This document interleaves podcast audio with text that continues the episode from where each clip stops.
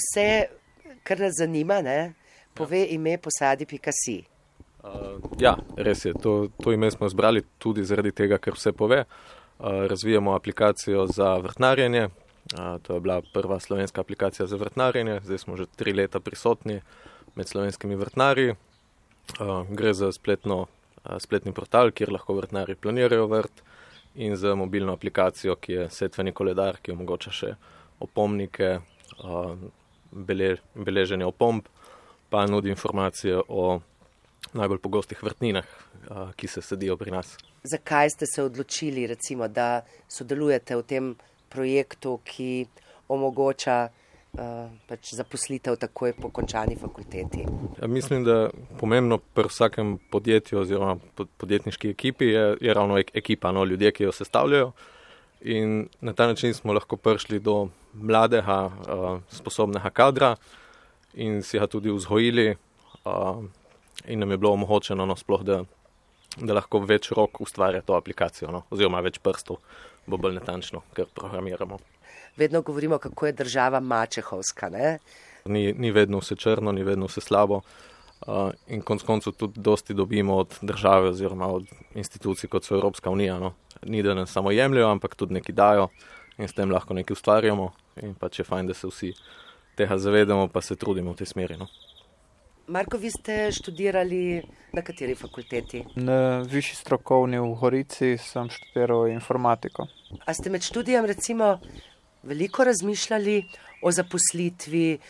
A ste bili prepričani, no sej, ko bom končal, me pa nekje zagotovo služba čaka. Se to so zdaj znanja, ne, ki jih ta svet zelo potrebuje. Ja, mislim, nam je bilo skozi, že, že v srednji šoli, ki sem že srednjo sem šel računalniško, nam je bilo obljubljeno, da, ja, da to bojo v bistvu de službe, da spoh ne bil problema dobiti pa tako, ne.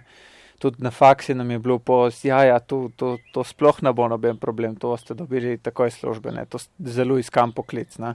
Je bilo skozi, je bilo to omenjeno, ma poka v bistvu, enkrat zaključiš, vidiš, da ni tako enostavno, ne recimo zdaj primer jaz od mojih sošolcev, uh, zdaj s faksa, ki so končali, vem, da v bistvu sam trije delamo na stroki, sam trije delamo programiranje, ne 20 jih je razno razna dela, si dobilo, ker v stroki preprosto pač se ne dobi. Ne.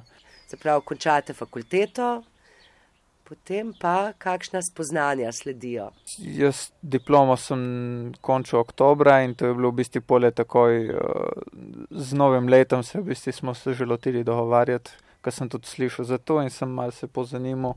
In uh, tudi um, pole z bojenem to sposadi sija smo se, uh, smo se kar nekako domelili, no, da bi v bistvu pole s to opcijo sofinancirane ta faksa praksa, ne, da bi se lahko kar izpeljalo. Kaj bi Marko priporočali mladim, recimo zdaj le, ki študirajo po teh vaših izkušnjah, kaj jim priporočate? Da morda se izognejo kakšnim težavam potem pri iskanju službe, na kaj morajo biti pripravljeni? Ja, ne vem.